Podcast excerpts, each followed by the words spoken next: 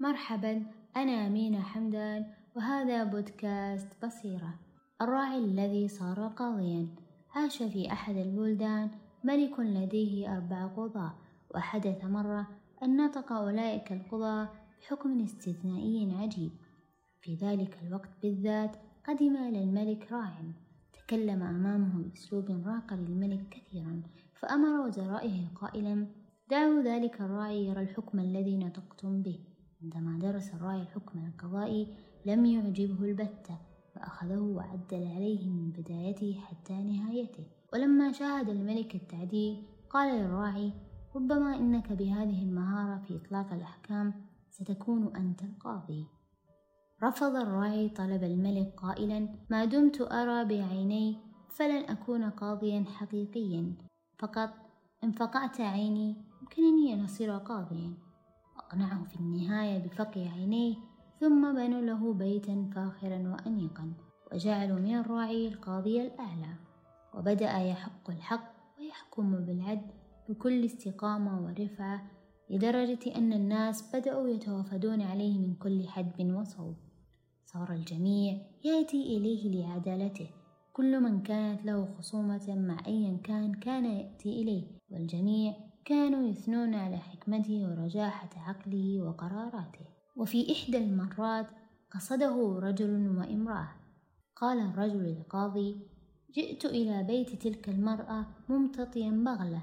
ربطت بغلتي فجاء إليها عجل صغير وأخذ يرضع من ضرعها عندما رأت المرأة ما حدث ركضت باتجاه عجلها وأمسكت به وبدأت تهمهم وتشكو قائلة إن العجل لها. وما الذي أوصله إلى بغلتي؟ صمت أمامها بكل ما أوتيت من قوة لكن بلا فائدة. أرادت جر العجل بعيدا وأنا لم أسمح لها فأنا لن أعطيها شيئا ملكي. تشاجرنا كثيرا وها نحن الآن بين يديك.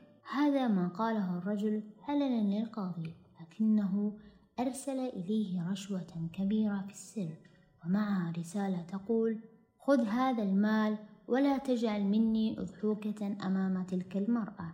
لكن القاضي لم يكن ليتلاعب بميزان العدالة. وأرسل الرجل يقول له أتريدني أن آخذ العجل من المرأة بالقوة؟ لم تحكم تلك العدالة بأخذه. ثم سأل القاضي المرأة ما قولك؟ أجابت المرأة يا سيد القاضي هذا الرجل وصل إلى بيتي ممتطيا بغلته. وليس لدي في هذه الدنيا سوى عجل صغير وأمة وقد أحببتهم كثيرا.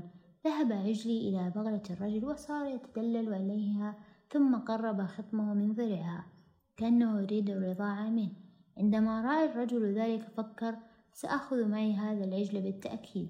وبدأ يجره إلى بيته لكني بالطبع لم أسمح له بذلك. إنني أثق بعدالتكم وأتيت إلى بابك تحق الحق. وأنا واثقة من أنك لن تجعلني أعاني أو أسحق تحت قدمي الظلم. بعد أن استمع القاضي لكلا الطرفين نطق بالحكم التالي. بما أن البغلة لم تلد ذرية لها ولن تلد ويبقى احتمال ضئيل جدا أن تلد البغلة عجلا. لذا يجب استعادة العجل من الرجل وإعطاؤه للمرأة صاحبة البقرة.